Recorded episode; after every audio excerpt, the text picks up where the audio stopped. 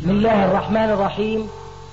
الحمد لله والصلاة والسلام على رسول الله.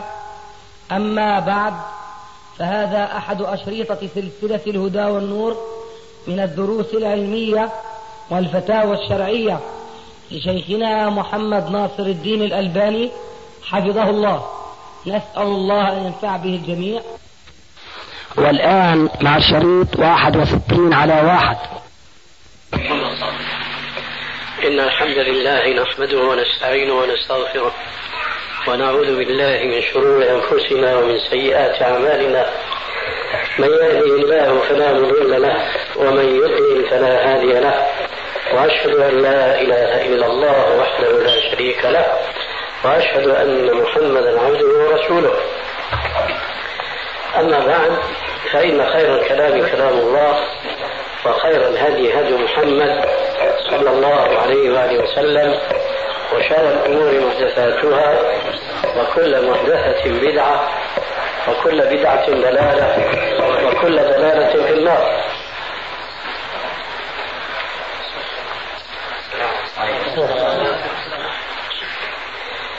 لقد كان من هدي نبينا صلوات الله وسلامه عليه أن يفتتح كلامه وموعظته وخطبه بهذه الخطبة الموجزة البليغة التي سمعتموها وتسمعونها منا عادة. وفيها كما تعلمون هذه القاعدة العظيمة خير الهدى هدى محمد صلى الله عليه وآله وسلم. وشر الأمور محدثاتها وكل محدثة بدعة وكل بدعة ضلالة وكل ضلالة في النار.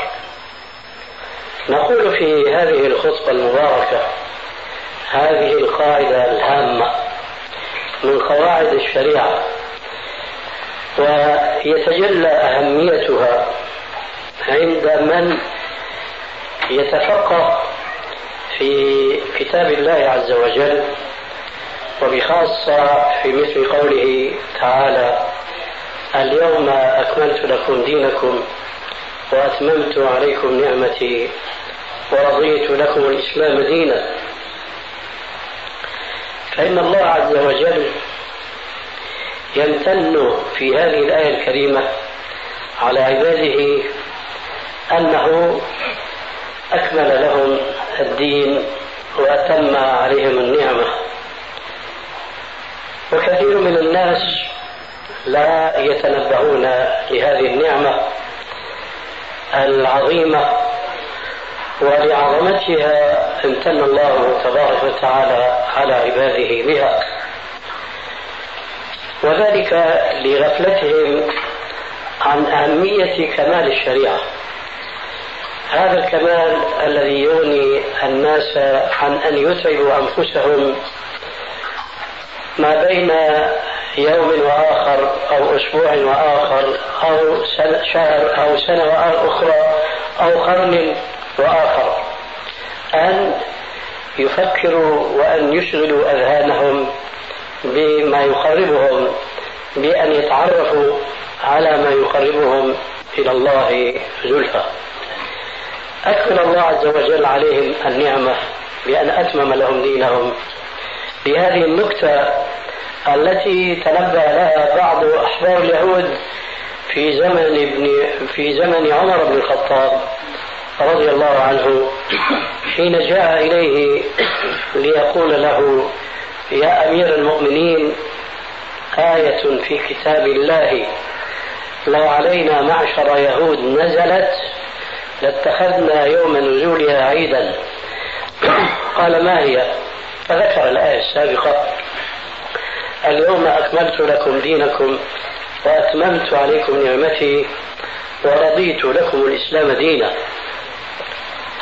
قال له عمر لقد نزلت في يوم عيد. كأنه يقول أبشر. فقد اتخذ المسلمون يوم نزول هذه الآية عيدا. ذلك لأنها نزلت ورسول الله صلى الله عليه وسلم في عرفة وفي يوم جمعة. ويوم جمعة يوم عيد المسلمين الأسبوعي يتكرر ليس في كل سنة بل وفي كل أسبوع مرة. لماذا قال هذا الحبر اليهودي؟ أن هذه الآية لو نزلت عليهم لاتخذوا يوم نزولها عيدا لما فيها من تفضل الله عز وجل على عباده بأن أتم لهم الشريعة وأكملها فأغناهم عن الاجتهادات الشخصية التي قد يتفننون بها ويتوسعون فيها ليتقربوا بذلك إلى الله زلفى وقد يضلون لأننا نعلم جميعا أن المجتهد معرض للخطأ وإن كان مأجورا على خطئه إذا ما أفرغ جهده لمعرفة الصواب الذي أمره الله به. كما قال عليه السلام في الحديث الصحيح في البخاري وغيره إذا حكم الحاكم فاجتهد فأصاب فله أجران وإذا أخطأ فله أجر واحد. فتمام الشريعة إذا يغنيهم عن مثل هذه الاجتهادات التي يراد بها توسيع دائرة التقرب إلى الله عز وجل. فقد سدت وأغلقت وأتمت هذه الدائرة فلم يبق للناس في حاجة إلى أن يجتهدوا فيما يقربه من الله عز وجل لأن الله عز وجل قد أتم النعمة بذلك. ولهذا قال عليه الصلاة والسلام ما تركت شيئا يقربكم إلى الله إلا وأمرتكم به. وما تركت شيئا يباعدكم عن الله ويقربكم إلى النار إلا ونهيتكم عنه. لذلك ثبت عن بعض أو جاء عن بعض السلف وهو بالضبط حذيفة بن اليمان أنه قال كل عبادة لم يتعبدها أصحاب رسول الله صلى الله عليه وآله وسلم فلا تعبدوها. أي فلا تتعبدوا بها. كل عبادة لم يتعبدها أصحاب رسول الله صلى الله عليه وسلم فلا تتعبدوها. وقد تلقى هذا المعنى الخلف الأول عن السلف الأول في عبارات متنوعة. من أهمها قول مالك رحمه الله. من ابتدع بدعة يراها حسنة فقد زعم أن محمدا صلى الله عليه وآله وسلم خان الرسالة.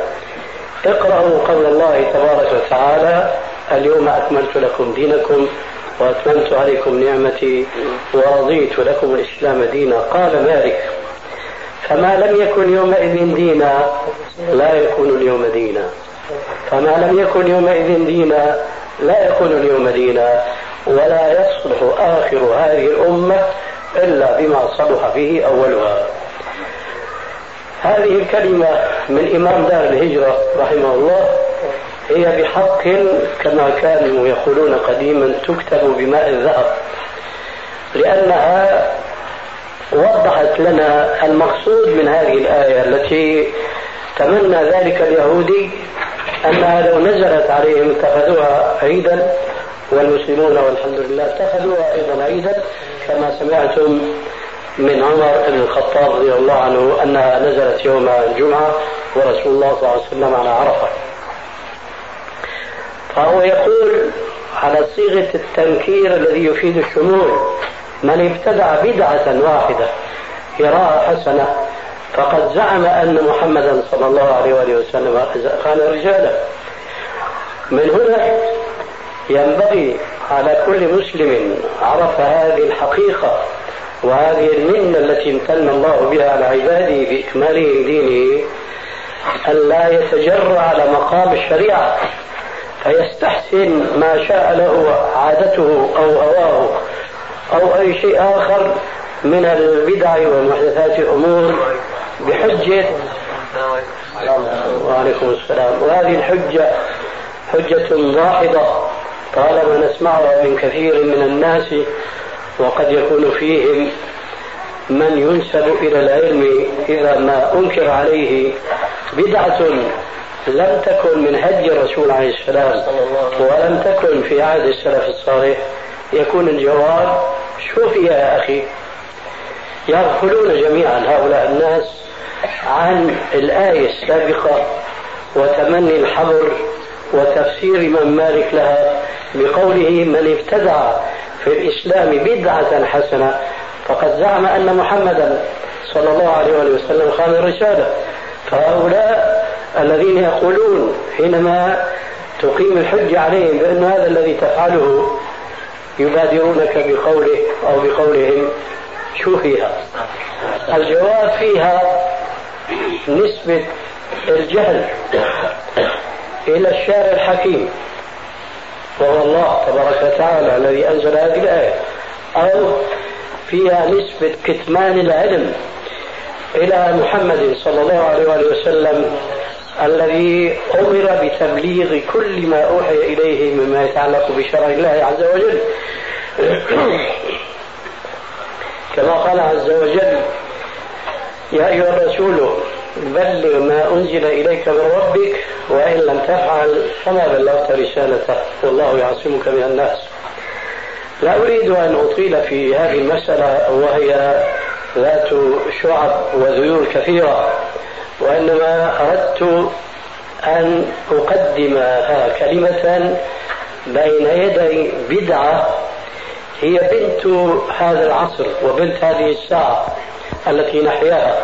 لم تكن معروفة من قبل ولا يمكن لأحد أن يعرفها أو أن يتنبأ لها إلا إذا كان متتبعا لسنة النبي صلى الله عليه وسلم وسنة أصحابه الذين كانوا يقتدون به في كل ما يتعلق بالشرع.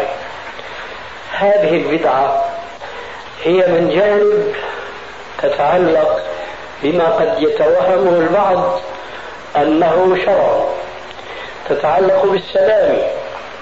الذي أمرنا بإشاعته وإفشائه بين الأنام. في مثل قوله عليه الصلاة والسلام. والذي نفس محمد بيده لا تدخلوا الجنة حتى تؤمنوا ولا تؤمنوا حتى تحابوا. أفلا أدلكم على شيء إذا فعلتموه تحاببتم؟ أفشوا السلام بينكم. وفي الحديث الآخر قال عليه الصلاة والسلام السلام اسم من أسماء الله وضعه في الأرض فأفشوه بينكم. هذا الإفشاء هو بلا شك أكثر من إلقاء السلام. لأن إلقاء السلام هو حينما تلقى أخاك لأول مرة فأنت تسلم عليه وجوبا لابد منه. أما إفشاء السلام فهو أكثر من ذلك. من صوره مثلا إذا دخل أبو أحمد من تلك الغرفة إلى هذه الغرفة فهو يقول السلام عليكم. كذلك إذا خرج من هنا إلى تلك الغرفة التي خرج منها إلينا أيضا يقول السلام عليكم. وإن كان هو لا يقوله لكن هكذا ينبغي أن يقوله ذلك لأن النبي صلى الله عليه وسلم قال إذا دخل أحدكم المجلس فليسلم. وإذا خرج فليسلم. فليست الأولى بأحق من الأخرى. فإذا هذا من إفشاء السلام. دخولا وخروجا. كلما دخل وخرج السلام عليكم السلام عليكم. من ذلك أيضا ما ثبت عن النبي صلى الله عليه وسلم قولا وما ثبت عن الصحابة تطبيقا. فقد كانوا ائتمارا منهم بقوله عليه السلام إذا كانوا في سفر أو في طريق جماعة فحال بينهم شجر أو حجر ثم التقوا قال بعضهم لبعض السلام عليكم ماشي سوا. لكن فصل بيناتهم صخرة أو شجرة أو ما شابه ذلك فسرعان ما يلتقون وراءها فيبادر بعضهم بعضا بالسلام. هذا كله داخل في باب قول عليه السلام أفشوا السلام بينكم. ترى هل من إفشاء السلام وهنا كما يقال بيت القصيد يدخل أحدنا اليوم إلى المجلس فيلقي السلام وهذا واجب لأنه من حق المسلم على المسلم إذا لقيته فسلم عليه. لكن إذا كان في المجلس مثلا خمس أشخاص أو عشر أشخاص أو أكثر أو أقل. فالمعتاد الآن أن داخل يسلم على كل فرد من أفراد الجالسين. وعني بالسلام هو السلام الشرعي وليس السلام الأردني. لأن السلام الأردني تعلمت هنا أنهم يكنون بالسلام يعني المصارعة. فكثيرا ما سئلت وكنت غافلا من قبل. لما بيسألني الواحد أنا ألقى امرأة عجوز في الطريق فهل يجوز لي أن أسلم عليها؟ بقول له بيجوز. وإذا به هو يعني ماذا؟ يصافح. لذلك أقول قصدي أن السلام الشرعي. السلام عليكم. فهل فهل هذا الداخل حينما يدخل يسلم على كل فرد من الجالسين السلام عليكم السلام عليكم السلام عليكم. لا أعني مصافحة لأن المصافحة سنة وهي من تمام السلام كما جاء في بعض الأحاديث ولو بسند ضعيف. من تمام التحية المصافحة احفظوا عني هذا حديث ضعيف السند. لا يجوز أن نرويه وأن ننسبه إلى النبي صلى الله عليه وسلم جازمين بذلك. لا لكن معناه جميل. ذلك لأنه قد ثبت عن بعض الصحابة ولعله أبو ذر رضي الله عنه قال ما لقينا رسول الله صلى الله عليه وآله وسلم إلا وصافحنا. فإذا من تمام التحية المصافحة ولكن ليس من تمام التحية والسلام الشرعي أن كل واحد من الجالسين تسلفه سلفا السلام عليكم السلام عليكم. إلى أن ينتهي مصافحة الجميع. لا حينما يدخل الداخل من الباب السلام عليكم. هذا السلام موجه للجميع. إذا كان من الميسور له أن يصافح كل فرد من أفراد الجالسين فذلك خير له وأبقى. أما إذا كان في حرج مثل الآن ما شاء الله العدد آه، بارك الله فيه كثير. فإذا يجلس حيث انتهى المجلس ويكتفي بالسلام عليكم. إذا تيسر له المصافحة إذا كان العدد قليلا فذلك أفضل لما ذكرناه آنفا من قول ذاك الصحابي ما لقينا رسول الله صلى الله عليه وسلم إلا صافحنا. ولقوله صلى الله عليه وسلم الذي فيه بيان لأجر عظيم جدا لمصافحة المسلم لأخيه المسلم ألا وهو قوله صلى الله عليه وسلم ما من مسلمين يلتقيان فيتصافحان إلا تحاتت عنهما ذنوبهما كما يتحات الورق عن الشجر في الخريف. فإذا المصافحة سبب شرعي من أسباب المغفرة من الله عز وجل لعبديه المتصافحين هذا الذي أردت التنبيه عليه لأنني رأيت كثيرا من الناس وبخاصة غير الذين ينهجون منهج السنة والسلف الصالح اتخذوا عادة في هذا العصر أنه يسلم على كل فرد من أفراد الجالسين وهذا ليس من السنة. فإذا عرفتم البحث الذي قدمناه بين يدي هذه الجزءة أن الدين كامل وأنه لا مجال للابتداء الذي يسميه البعض بالإستحسان. إذا عرفتم ذلك فنقف حينئذ عندما ثبت لدينا من سنة النبي صلى الله عليه وسلم القولية أو الفعلية. وهذا الذي أردت بيانه والحمد لله رب العالمين. إن كان لأحد سؤال حول ما تقدم من الكلام والبيان فهو له الأرجحية في الجواب عليه وأن لا سمعنا ما عندكم من أسئلة قبل أن ينتهي بنا الوقت. نعم. عندما نبين لبعض الناس مثل هذا الكلام الذي تفضلت به جزاك الله خيرا يقول آه، يستشهد بحديث عن الرسول صلى الله عليه وسلم من سن في الإسلام سنة حسنة فحبذا لو توضح لنا كيف نرد عليه الرد الصحيح السليم؟ نعم الحقيقة أن هذا السؤال بالنسبة لكثير من الناس مهم جدا. ذلك لأن له علاقة قوية بما أشرت في تضاعيف كلامي السابق أنه ليس لنا أن نستحسن. فقد يقول قائل كيف هذا؟ وقد قال عليه الصلاة والسلام في الحديث الصحيح من سن في الإسلام سنة حسنة فله أجرها وأجر من عمل بها إلى يوم القيامة دون أن ينقص من أجورهم شيء ومن سن في الإسلام سنة سيئة فعليه وزرها ووزر من عمل بها إلى يوم القيامة دون أن ينقص من أوزارهم شيء. فجوابا على ذلك أقول. لقد تعلمنا من كتب علماء التفسير أن من الطرق التي يتمكن بها طالب العلم من فهم الآية فهما سليما وصحيحا أن يتعرف على سبب نزولها. إذا كان لها سبب نزول فإن ذلك يساعد مساعدة قوية للوصول إلى الفهم الصحيح لها بعد أن يستعمل مع التعرف على سبب النزول استعمال الآداب العربية التي تساعد على فهم الكلام العربي وبخاصة كلام رب العالمين تبارك وتعالى. تعلمنا هذا منهم فاقتبست أنا فائدة.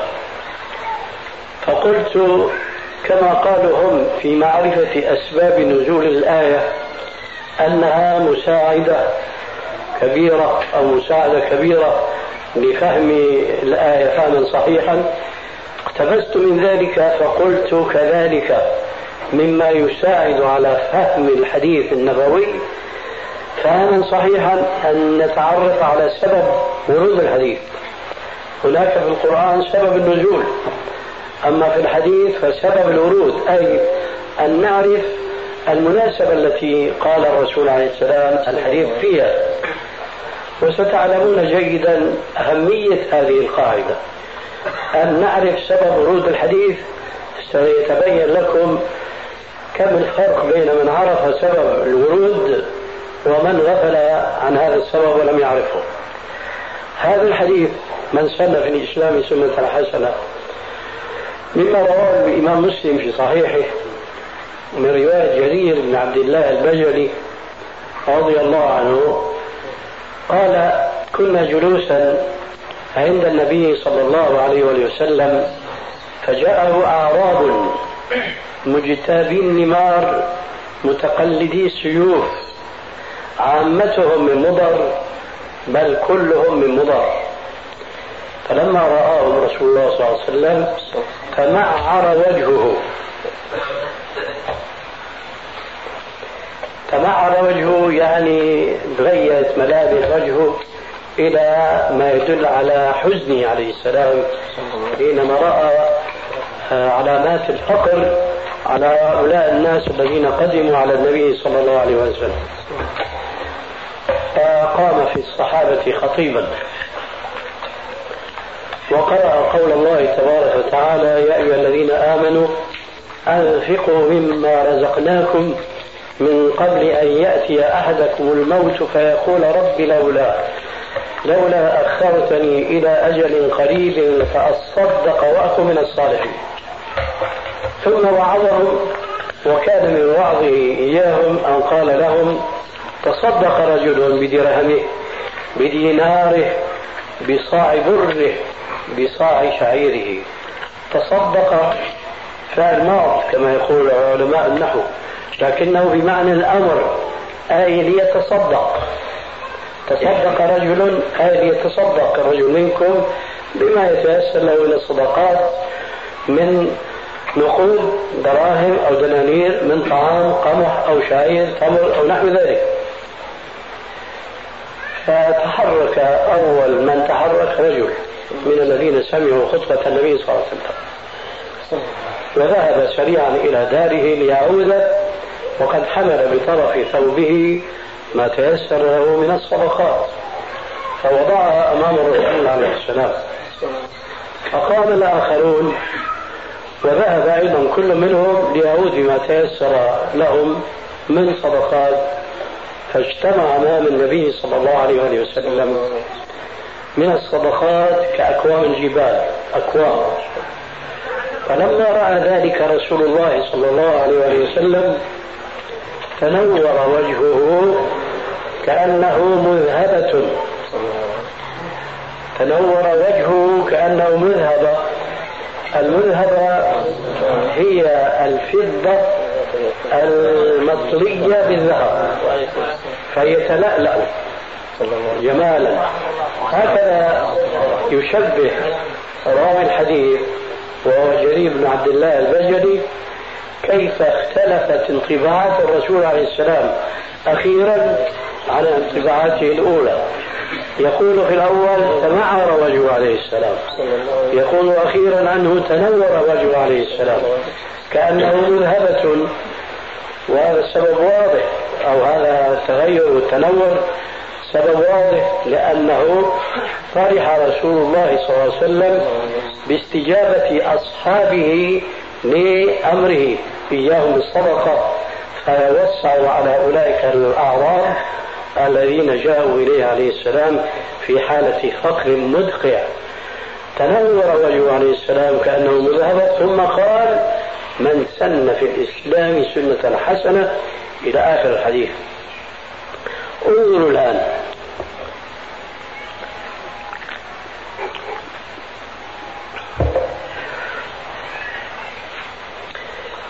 كم يخطئ هؤلاء الناس الذين يستدلون بهذا الحديث على بدعهم التي استحسنوها بمجرد عقولهم إلا النقل اتباعا منهم لأهوائهم؟ أين أين للبدعة هنا مكان في هذه الحادثة التي سمعتموها منقولة عن صحيح الإمام مسلم؟ لا تجدون هنا شيئا يمكن أن يذكر أو أن يوصف ببدعة إطلاقا إنما هو الصدقة. والصدقة كانت مشروعة قبل أن يخطب النبي صلى الله عليه وسلم في الصحابة حتى لهم على الصدقة لأنكم سمعتم أن من خطبته عليه السلام في هذه الحادثة أن تلا عليهم الآية الكريمة أنفقوا فيما رزقناكم إلى آخرها. فإذا ليس هناك ما يمكن أن يدخل في باب البدعة الحسنة زعموا لأن الصدقة مشروعة بنص القرآن الكريم. والسنة وإجماع الأمة. إذا حينما يفسرون قوله عليه السلام من سن في الإسلام سنة حسنة بقولهم من ابتدع في الإسلام بدعة حسنة اصطدم هذا التفسير وليس الحديث اصطدم هذا التفسير بالواقع لأن الواقع لا يوجد فيه ما يمكن أن يسمى بدعة إطلاقا. أما إذا فسر بالمعنى العربي سن بمعنى فتح طريقا فهذا واضح جدا لأن ذاك الرجل الأول هو الذي فتح الطريق بين يدي الصحابة الآخرين حينما ذهب ليرجع بما تيسر من الصدقة فاتبعه الآخرون على ذلك فكان هو قد سن لهم الصدقة في ذلك المجلس. أما الذي حسنها والذي شرعها وجعلها للناس دينا ليس هو ولا الرسول عليه السلام وإنما هو رب العالمين لأن النبي صلى الله عليه وسلم ليس له من التشريع شيء إنما هو كما قال تعالى مخاطبا إياه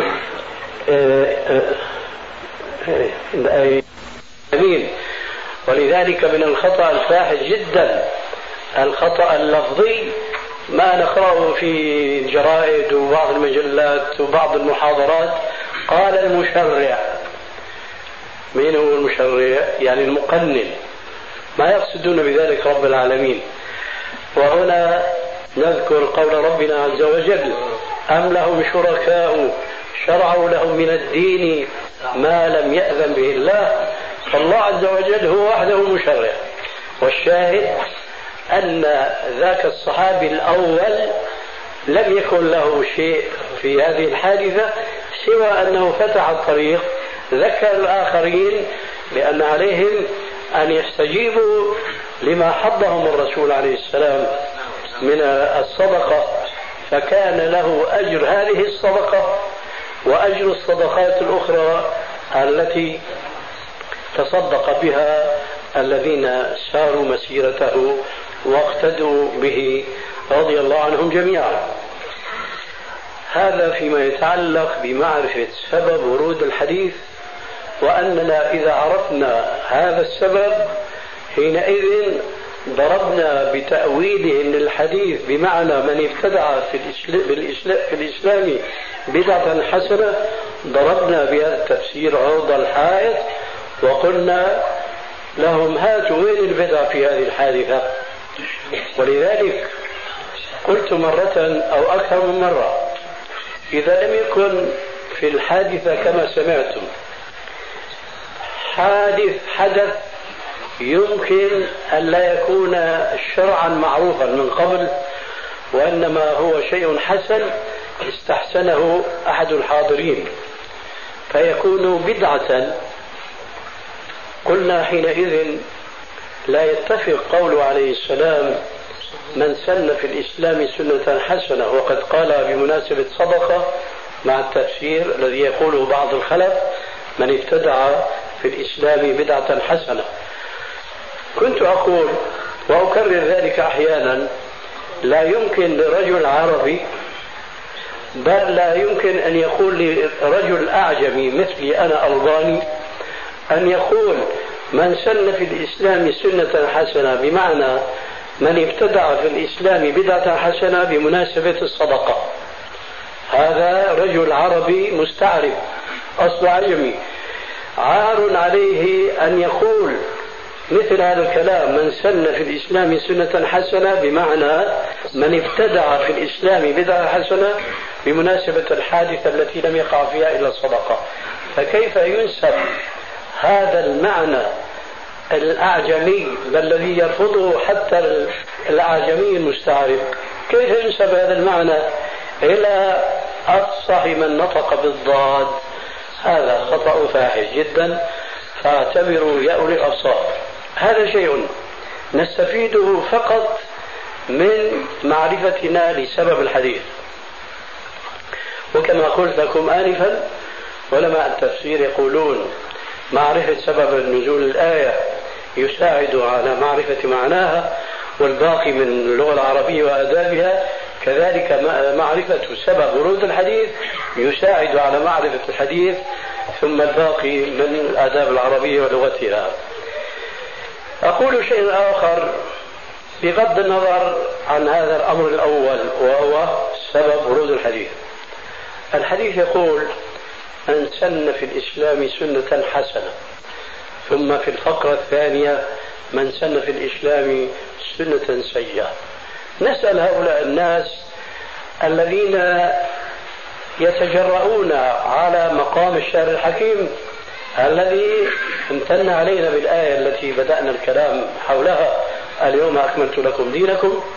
فيحسنون ويرسخون من الدين ما أغلق بابه وختمت النوافل والمقربات إلى الله عز وجل كما ذكرنا في الحديث السابق. نقول لهؤلاء ما هو سبيل معرفة السنة الحسنة ومعرفة السنة السيئة؟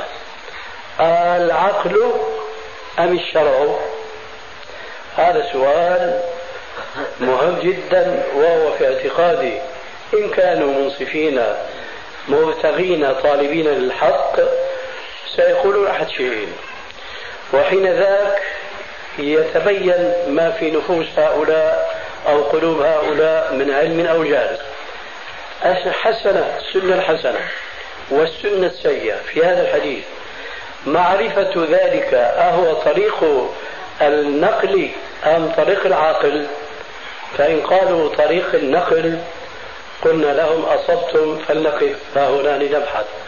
وإن قالوا طريق العقل خرجوا عن أهل السنة والجماعة وألحقوا ببعض الفرق الضالة التي منها المعتزلة الذين يظن كثير من الناس أنها فرقة مضت وانقضت وانقرضت والواقع أن هذه الفرقة لا تزال آثارها منبثة في جماهير الناس حتى من أهل السنة زعموا. لأن منهج أولئك منهج هؤلاء. منهج هؤلاء في تحكيمهم لعقولهم هو منهج أولئك تماما. قلت لكم آنفا في أثناء الكلام عن هذا الموضوع الهام إذا أنكر على بعضهم بدعة من هذه البدع سيقول لك شوفي يا أخي؟ أترون هذا حكم النقل أم حكم العقل؟ أما أنا فأقول لا العقل ولا النقل وإنما حكموا أهواءهم وعاداتهم فإذا إذا أصابوا في الجواب وقالوا لا معرفة السنة الحسنة والسنة السيئة مرجعنا في ذلك إلى الشرع إلى النقل. إذا قفوا معنا هنا. إذا قلنا هذا الأمر هو من السنة الحسنة. إذا اتفقنا على أن معرفة ذلك يكون بالنقل فهات النقل الذي يدل على أن هذا الشيء الذي أنت تستحسنه جاء عليه النقل وليس العقل.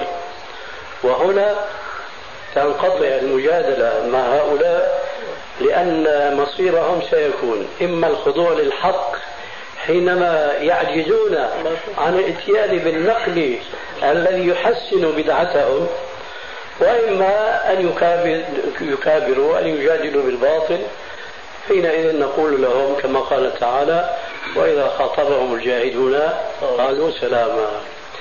إذا التحسين هنا للشيء واستقباحه إنما يكون بالرجوع إلى النقل وإذا رجعنا إلى النقل استرحنا جميعا وارتفع الخلاف. أنا أضرب لكم مثلا بسيطا جدا غير المسألة التي طرحناها سابقا. وقدمنا لها هذه الكلمة. المصافحة التي يفعلها الناس اليوم بعد الصلاة. بكون أنا والشيخ داخلين المسجد. تلاقينا وتصافحنا وتحادثنا وكل شيء فعلنا. صلينا. تقبل الله. تقبل الله. ما هذا؟ بدعة حسنة. طيب شو دليلك أنه هي بدعة حسنة؟ سوف لا يقول لك أن الرسول كان يفعل ذلك. لأنه يعرف أنه هذه بدعة. وسوف لا يقول أن الرسول عليه السلام أمر بذلك لأنه لا سبيل إلى التعرف على مثل هذا الأمر. إذا حجتهم كحجة الأولين. قالوا بل وجدنا آباءنا كذلك يفعلون. فهذا جواب السؤال السابق أن حديث من سن في الإسلام سنة حسنة إلى آخره لا يدل على أن في الإسلام بدعة حسنة. وإنما في الإسلام سنة حسنة ومعرفة السنة الحسنة هو من طريق السنة وليس من طريق العقل أو العادة أو الهوى. في شيء آخر؟ تفضل. في كنز العمال يا شيخ. قرأنا أنه ورد في الأثر عن ابن عمر رضي الله عنهما أن بكل ضربة عند تحريك الأصبع في التشهد عشر حسنات. طبعا نعم. من ذلك. المخرج. نعم. أنا أحفظ هذا عن عقبة ابن عامر. على كل حال سؤالك عن ماذا؟ عن هل هناك عشر حسنات صحيح؟ قول عمر يعني موقوف عليه الأمر. نعم موقوف هو لكن ابن عمر. لكن هذا الموقوف سواء كان عن ابن عمر أو عن عقبة بن عامر أو عن كليهما معا هذا الموقوف يعني في حكم المرفوع يقينا. ليه؟ لأنه كل الحسنة بعشر أمثالها. فلا شك أن الحركة حسنة وإلا ما فعلناها. فما دام أنها حسنة فهي بعشر. وهذا مما يؤيد ما نحن متمسكون به في الصلاة من تحريك الإصبع من أول التشهد إلى آخره. وهذا يشجعنا على تطبيق ما صح عن إمام السنة أحمد بن حنبل وهذا ما ذكرته في صفة الصلاة أنه قال يحركها شديدا. لأنه التحريك الشديد معناه إكثار الحسنات بالمئات. فيا خسارة من يحارب هذه السنة وينكرها ويجحدها فكم وكم من مئات الحسنات يضيعها في هذه الجلسة التي يجلسها في التشهد كيف أستاذ حركة الإصبع يعني مشان أي نعم. بعض إخواننا من العاملين معنا بالسنة نراهم يحركون المسبحة أو السبابة لكن بعض العلماء ما يستحبون تسمية الإصبع هذه بالسبابة. لأنه هي عادة العرب واحد بيسب الثاني بيعمل له هيك بوشه. لا الأحسن من السبابة المسبحة يسبح فيها الشاهد بعض إخواننا حينما يأتون بهذه السنة يخالفون السنة وذلك لعدم انتباههم ولعدم آه، حضورهم لدروس عملية. فهم يعرفون أن السنة تحريك الأصبع لكن ماذا يفعلون؟ هكذا هي التشهد هذا اسمه خفض ورفع. هذا لا أصل له في السنة. الراوي العربي الصميم اليمني وهو وائل بن حجر قال فرأيته يحركها يدعو بها. لو كان رآه يفعل هكذا كان قال يخفض ويرفع يرفع ويخفض يرفع ويخفض. هذه أول واحدة. ثانية بعض إخواننا يفعلون هكذا يميتها. هو بيحركها صحيح ما بيخفض بيرفع وبيخفض لا.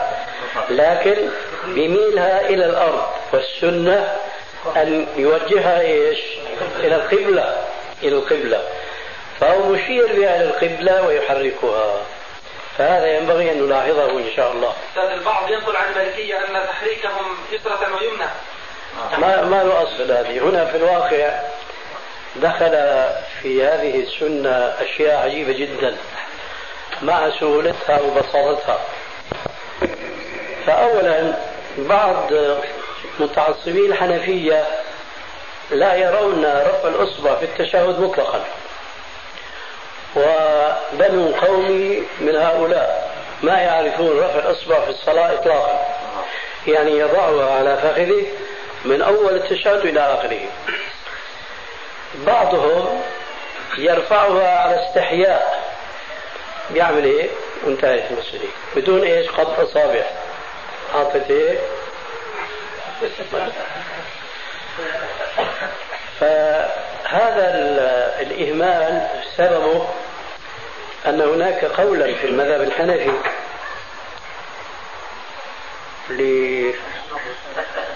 لرجل حنفي نسيت والله شو اسمه.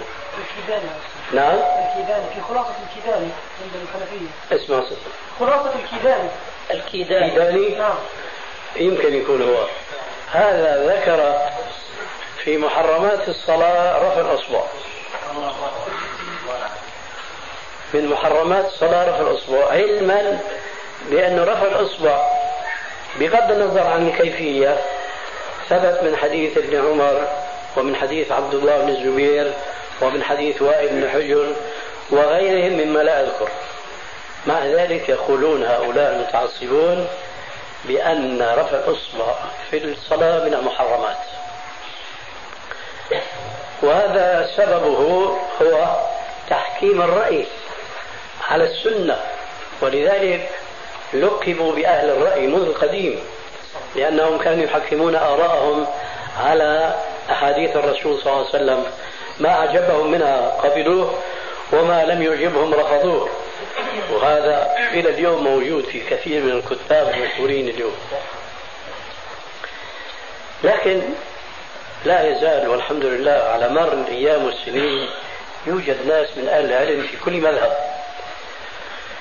فقد ألف الشيخ علي ملا علي القاري رسالة جيدة في الرد على كيدان هذا أو غيره برسالة سماها تحسين تزيين العبارة بتحسين الإشارة في الصلاة. تحسين تزيين العبارة بتحسين الإشارة في الصلاة. أريد أن أقول بعد هذا الخطأ الواضح وهو أن تحريك الأصبع في الصلاة محرم. اختلف المثبتون لسنية الإشارة في الصلاة على أقوال. أولا اختلفوا على قولين. هل هناك تحريك أم ليس هناك تحريك من أول الصلاة إلى آخرها؟ فالحنفي والشافعي ليس هناك تحريك مستمر. بخلاف المالكية والحنابلة فهناك تحريك, تحريك مستمر لكن على خلاف بينهما.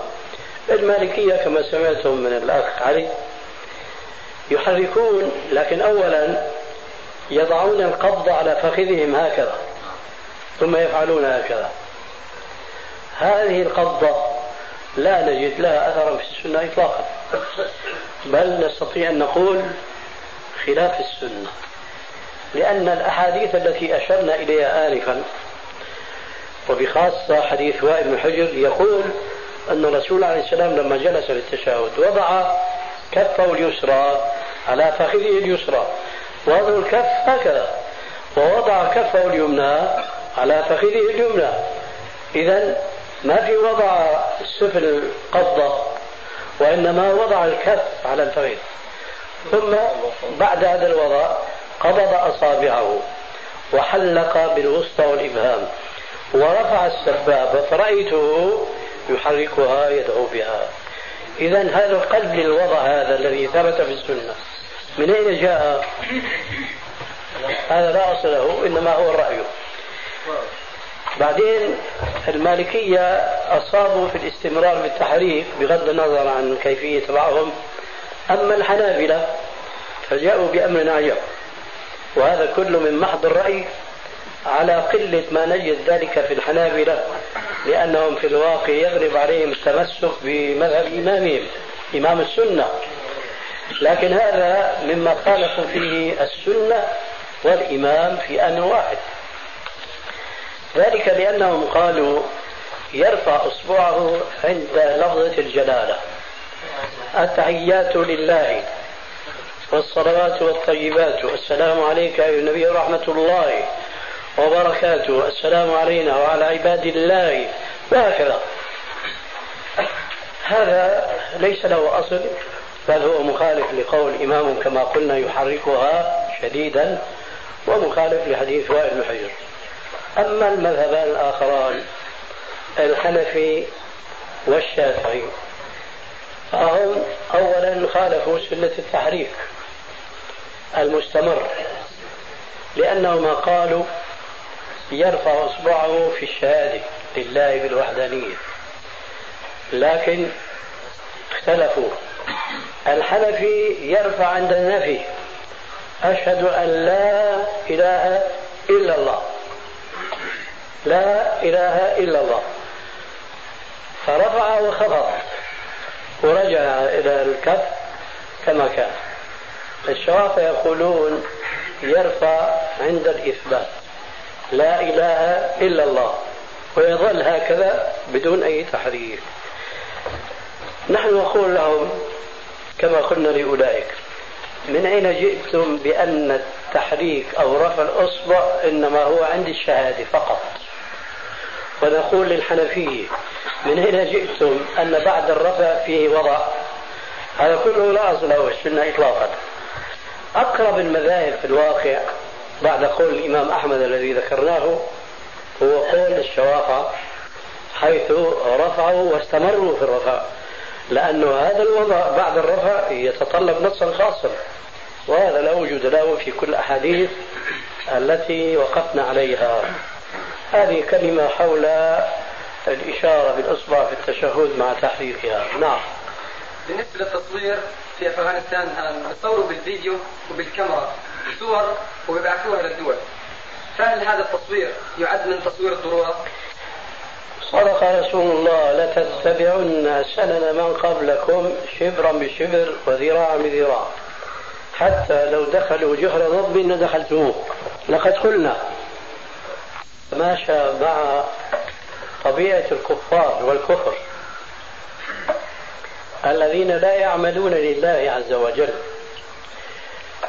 والذين لا يوجد لديهم من المنشطات والمرغبات بطريق الوحي ما عند المسلمين. ولذلك فهم يستحسنون هذا التصوير ويتخذونه وسيلة للتشجيع ولإلفات نظر الناس ونحو ذلك. كما يفعلون تماما بما يسمونه بالتمثيل. يمثلون بعض الروايات وكلامنا فيما يزعمون من روايات يعني مواضيعها لمصلحة الشعب ليس لمضرة الشعب من الروايات التي تمثل الجنس ونحو ذلك. فهم في الواقع بحاجة لمثل هذه التمثيليات لأنهم لا قرآن عندهم ولا أحاديث من باب الترغيب والترهيب الذي هذا كله نحن يغنينا عن أن نسلك سبيل من قبلنا. أضف إلى ذلك شيئا آخر. العالم الإسلامي اليوم مع الأسف يستجدي العطف لضعفه من الأقوياء ولو كانوا أعداءه. وهذا النوع من التصوير الذي سألت عنه باعتقادي هو من هذا الباب أيضا ولا ينبغي للمسلم أبدا أن يكون خاضعا أو ذليلا لغير المسلمين. ونسأل الله عز وجل أن يلهمنا رشدنا وأن يوفقنا لاتباع شريعة نبينا صلى الله عليه وسلم في كل شؤون حياتنا. نعم. بالنسبة لما ذكرتم قبل قليل بالنسبة لكراهية بعض العلماء تسمية المسبحة بالسبابة هل يذكر أن هناك حديث عن الرسول صلى الله عليه وسلم؟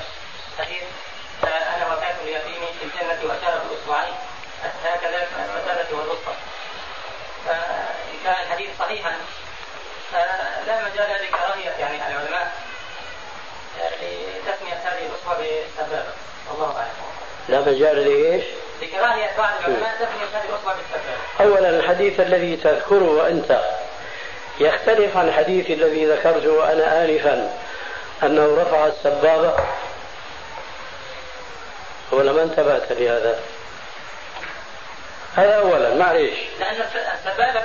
أولا أولا. يعني أنا سبقتك بإيراد الحديث الذي فيه لفظ السبابة. نعم.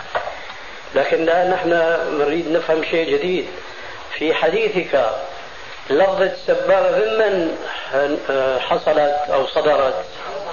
من راوي الحديث. طيب فاستوينا.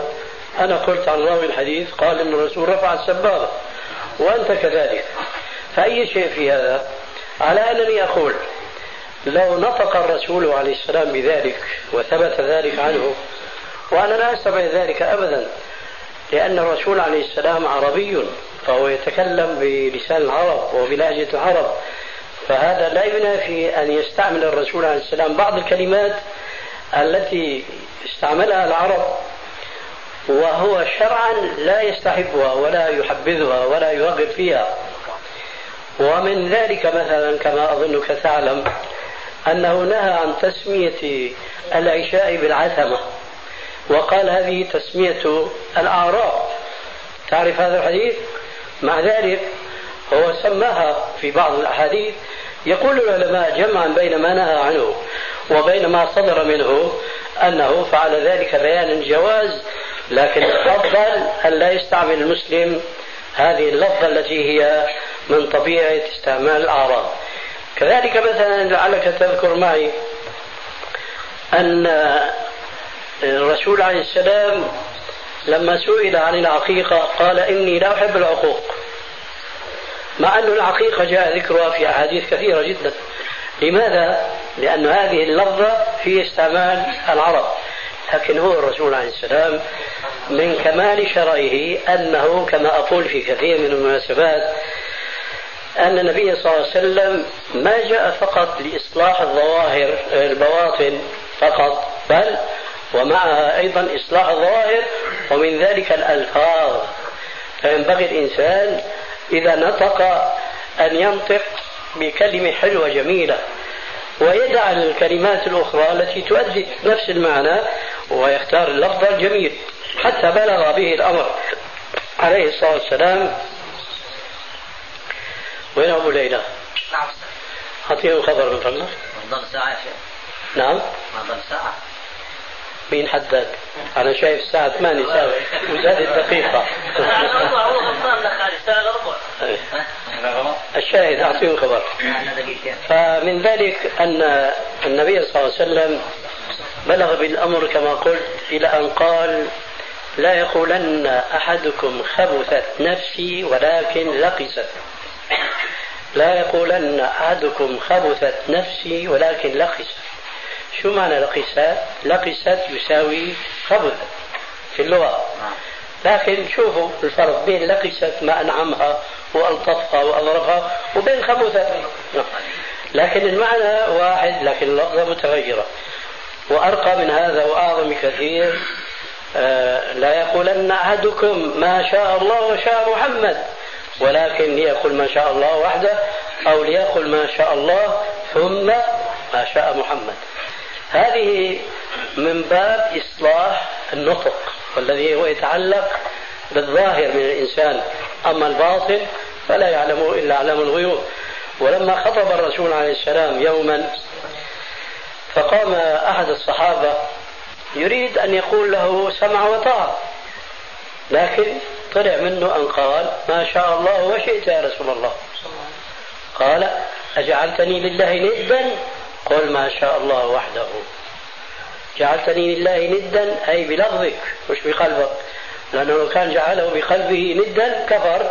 وقال له جدد إيمانك وجدد عقد على زوجتك ونحو ذلك. لكن هذا الرجل أساء لفظا ولم يسع عقيدة فاكتفى منه أن حسن له لفظه. فإذا إذا ثبت في بعض الأحاديث من قول عليه السلام أن ذكر السبابة فلا مانع من ذلك وهذا هو تعبير عربي كما قلنا آنفا. لكن اللجأ عنها إلى اللفظة الأخرى التي تؤدي معنى الأولى يكون أفضل وأحرى. والسلام عليكم ورحمة الله.